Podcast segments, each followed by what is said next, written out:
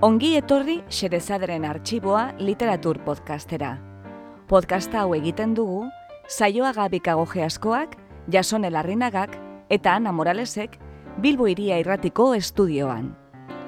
Guk bezala, zuk ere uste baduzu munduan gauza gutxi direla hain atseginak nola ipuin on bat patxada zentzutea, gera zaitez gurekin, eta prestatu munduko kontakizunik bikainenez, Euskaraz gozatzeko.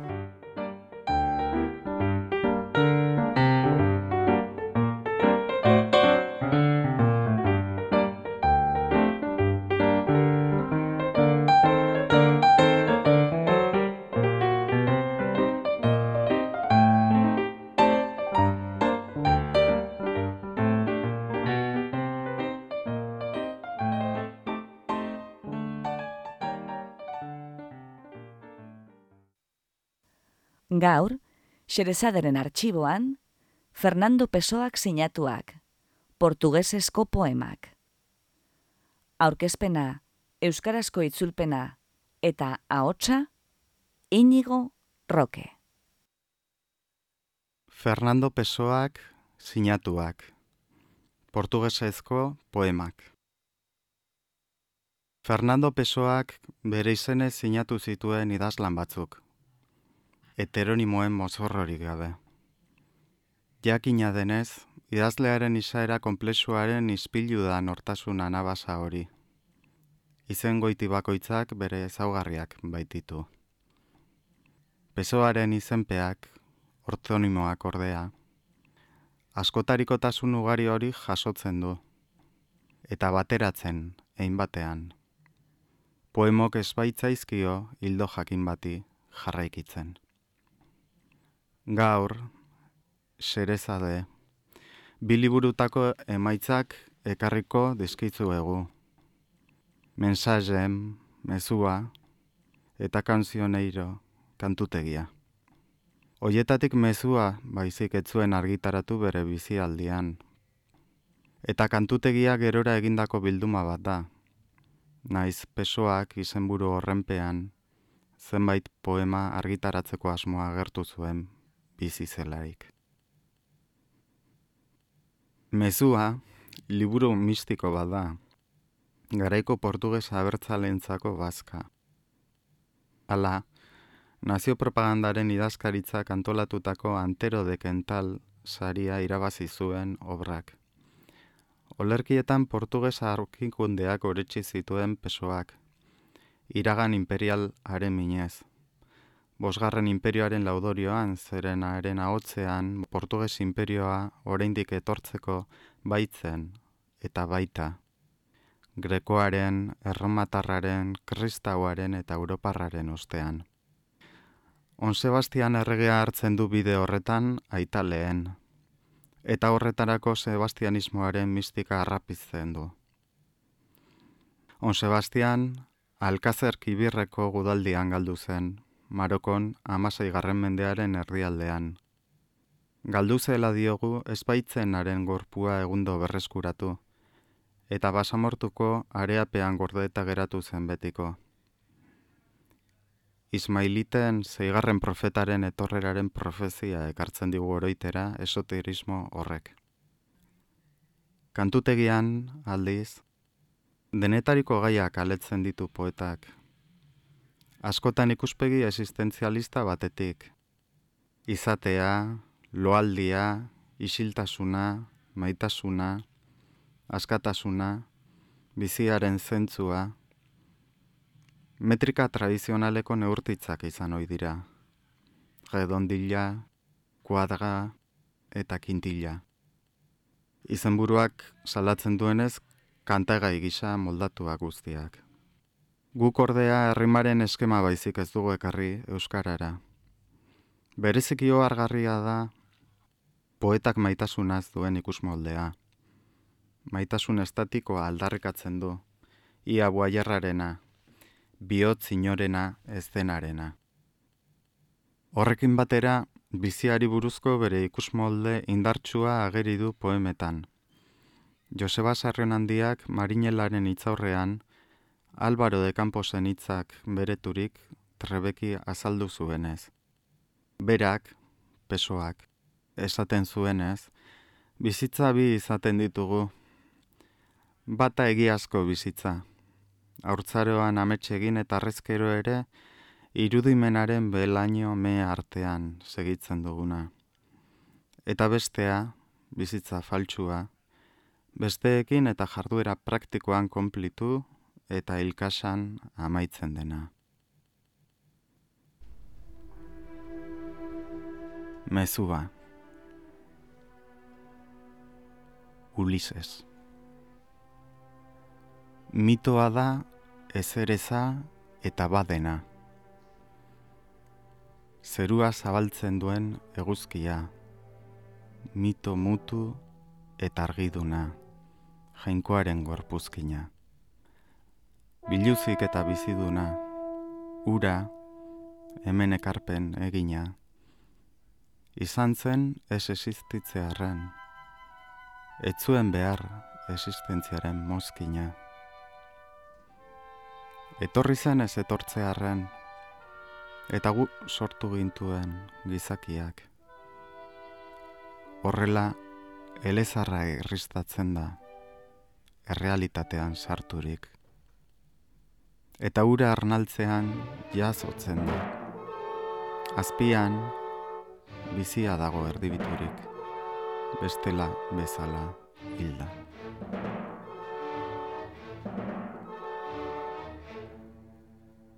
On Sebastian, Portugalgo errege. Zoro, bai, zoro. Handitasuna nahi izateagatik. Zoriak eman gabea. Etzen nigan kabitu ziurtasun ezarik. Horregatik nago arean. Nire izatea zena geratu zen. Ez orain dena. Nire zoroaz beste batzuk jabetu daitezela, eta arekin batera zegoenaz. Ez ostera gizakia den zorotasun ustelaz. Piztia osasuntxua baino, hainbatenaz, gehiago galtzen da hilotz eriotza etena,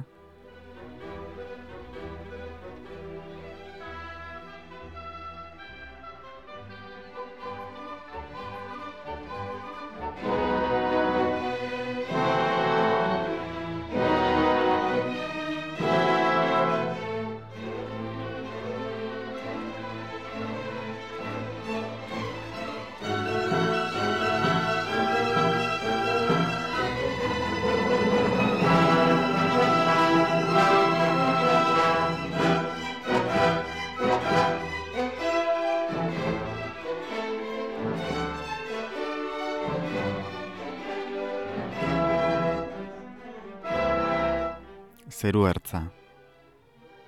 Gure aurreko itsasoak, zure beldurrak, bazituen korala eta zoaizziak eta ondarra. Deseginen gaua eta itzalak, eraberean sekretuak eta iragandako denboraleak, urruna loratzen zen eta egoalde sideralak, itxura ikusgarria zuen iniziazioaren ontzien gainean. Urruneko kostaldeko lerro gotorra, ontzia urbildu ala altxatzen zen malkorra. Urrunak deus etzuen zuaitzetan. Urbilago, lurra zabaltzen zen oro soinu eta kolore, eta ontzitik jaiztean baziren egazti eta lore, urrunetik lerro abstraktua baizik etzen lekuetan. Ametsa da forma ikusezinak ikustea, distantzia zehaztu gabetik eta borondatea, eta gizaberean esperantza lagun, bilatzea zeru ertzaren lerro oskirria.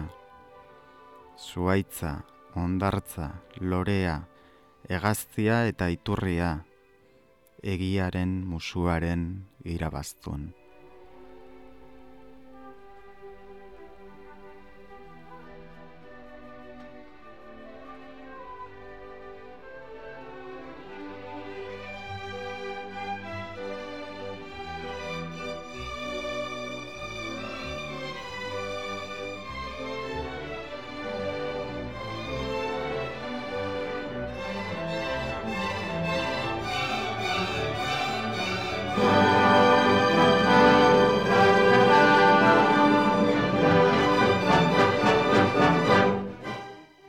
Egasko dagamaren jasokundea. Tempestako jainko jainkosek eta lurreko giganteek beren aierkundezko gerratea eteten dute derrepente. Eta txunditzen dira, zeruetara igotzeko aranean, isiltasuna edatuzoa, eta nola belainoak oialei eragitean, lehengo mugi eta gero harriduraz alda. Beldurrek saieska ipintzen dute, iraun bitartean, sorbaldarik sorbalda, eta urrunean, lorratzak horro egiten du odei eta ostarteetan. Bean, lurra den lekuan, hartzaina izuzten da, eta txilibitua, erortzen zaio eta sarmaturik ikusten du mila trumoiren argitan. Nola zabaltzen dion zeruak argonautaren arimari amildegi ondo gabetua.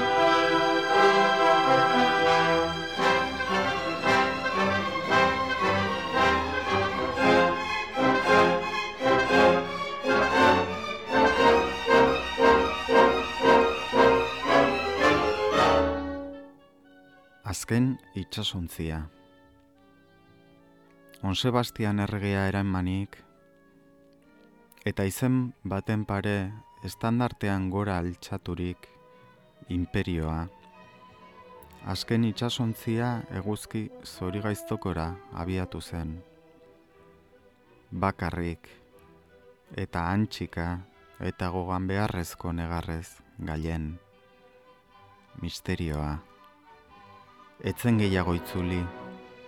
Zeu arte ez ezagun, jozuen, itzulikoa ote da zoria lagun. Zer gertatu zitzaizun? Jainkoak gorpua eta etorkizuneko forma gordetzen ditu. Baina argiak proiektatzen du amets ez du eta ilun. Ah, herriak zenbat eta harima urriagoa, nire harim atlantikoa hainbat anpatuagoa, asaldatutakoa, eta nire baitan denpora espaziorik gabeko itsaso batean, zure murko zurbila ikusten dut lambro artean, etxerakoan.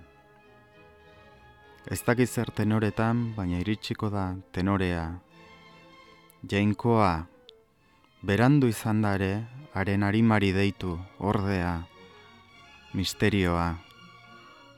Eguzkitan ateratzen zara nire baitatik, behel ainoaren errematea, behialako ura bera eta lehengo estandartea, imperioa.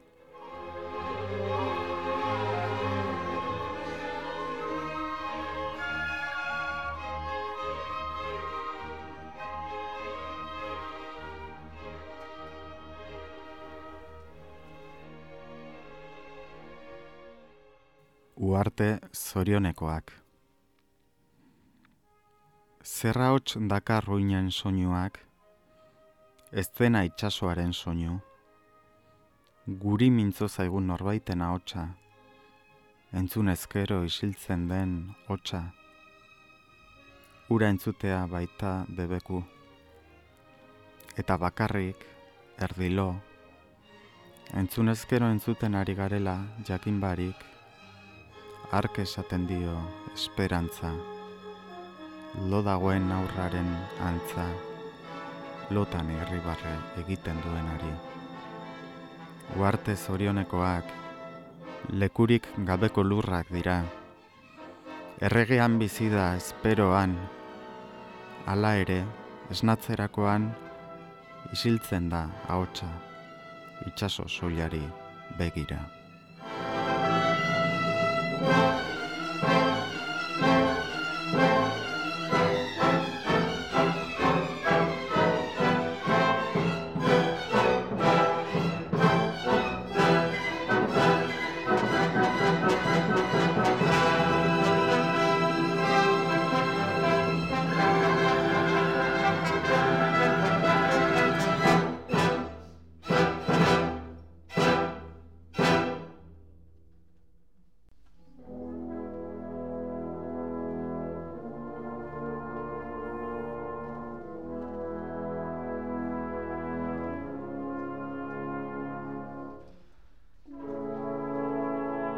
Kantutegia.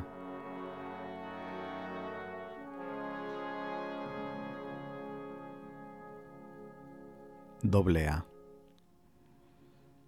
Biotza hartu nuen orduan, eta ipinu nuen neure eskuan, areari edo osto bati bezala, begiratu nion nik ala. Hilik dagoenak legez, begiratu nion liluraz eta beldurrez, harima unkiturik, ametsez eta bizi apurrez bakarrik.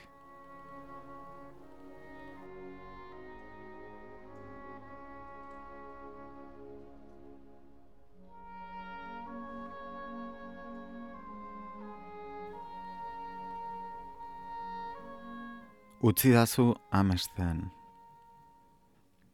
Egizuloni beilan nagoela. Utzi dazu amesten, mesedez. Nigan ez da ezein alaitasunik. Ametxetarako nahi zaitut bakarrik. Zu maitatzeko ez.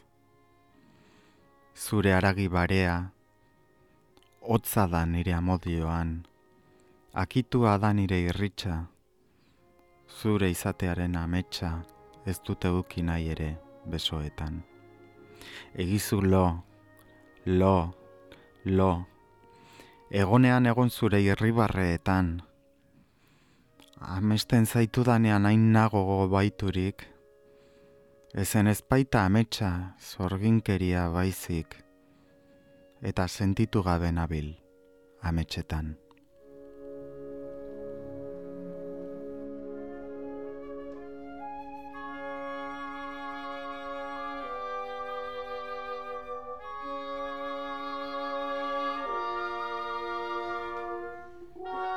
Ametxetan nago. Ametxetan nago. Ez dakit orain naizena. Neure burua sentituz nago lo, bareturik. Nire pentsamenak azten du pentsamena. Nire harimak ez dauka harimarik. Existitzen banaiz akatsa da, badakit. Banaiz oroitzen akatsa da itxura batean iruditzen zait ez dakidalanik. Ez dut ezer maitatzen, ez edukitzen, ez gogoratzen. Ez daukatez izaterik, ez legerik. Ilusioen arteko kontzientziaren zulo, mamuen muga eta barrena, besteren bihotze sasola gabe dagolo, bihotz inorena ez dena.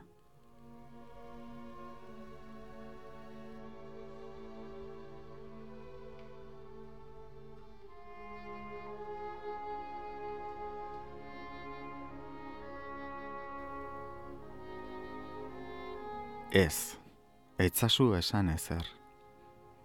Ez, etzazu esan ezer. Aurrez badakit eta naiz zure hautik ez ager, eta entzuna dut jada.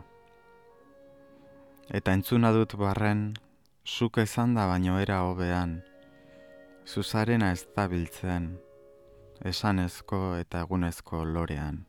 Zu baino are hobea da, ez esan ezer, izan zaitez, gorputz biluziaren sarma, ikusezin, ikusgai, molde batez.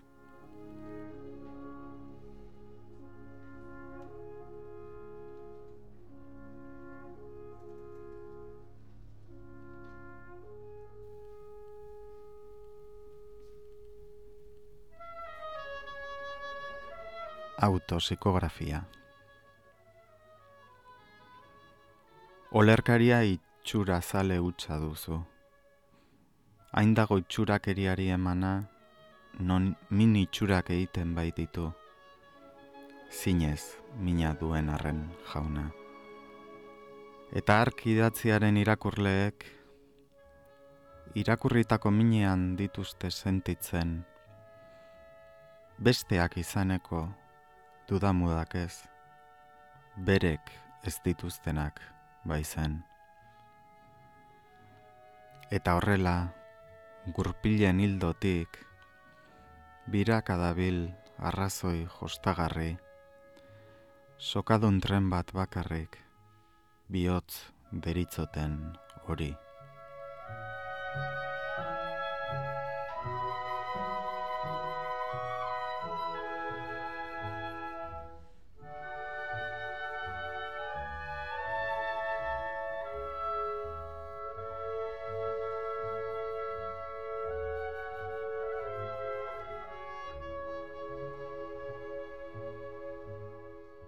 Hainbestekoa dut sentimendua.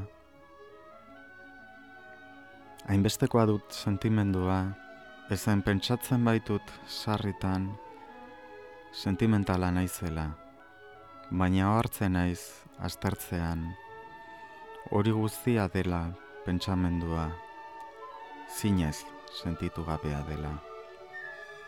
Bizidun guztiok baditugu, bizidugun bizia, eta beste bizi pentsamenezkoa.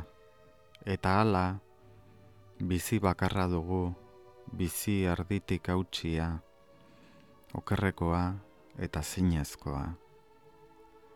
Zinezkoa zein ote den, eta zein okerrekoa guri, ezin inorka saldu, eta bizi dugu nabarmen, ustez eta jendearen bizi hori bakarrik dela pentsamenezko.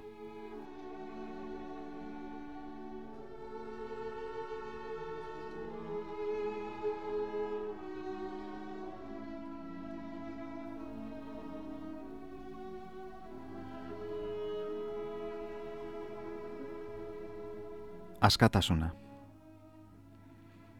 Bai atsegina, bete behar, ez egina. Liburu bat zain izan, baina ez irakurtzea aura, ala jaina. Irakurtzea alferrita, ikastea utxala. Eguzki aurrezko da literaturarik gabe. Ibaia ondo naiz txarto badoa, naiz ez duen inoren edizioa. Eta izetxo goxo hori, hain goizekoa, Astia duenez ez da presaka ibiltzekoa. Liburuak dira tintaz margotutako paperak. Ikasterakoan gauza berberak. Dira ezereza eta ororen gabezia. Hainbat hobea da lambroaren profezia. On Sebastianen zain egonez, berdin ura etorri ala ez. Handi dira poesia, dantzak eta ontasuna. Ahatik aurrak dira munduko honena, eta loreak, eta musika, eta ilargia, eta eguzkia zeina bekatari, baita soilik sortu berrean denean idortzen ari. Eta horiek baino hobea Jesu Kristo gurea, naiz finantzez deus etxakin, eta itxuraz ez izan liburugin.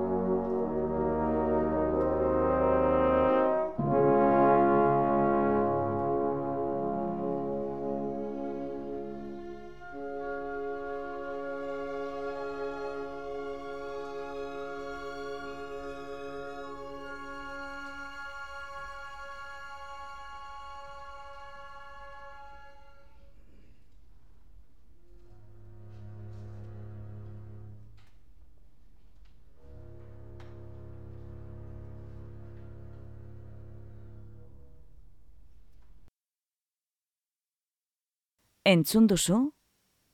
Fernando Pesoak sinatuak, portugesesko poemak. Aurkezpena euskarazko itzulpena eta ahotsa Inigo Roque.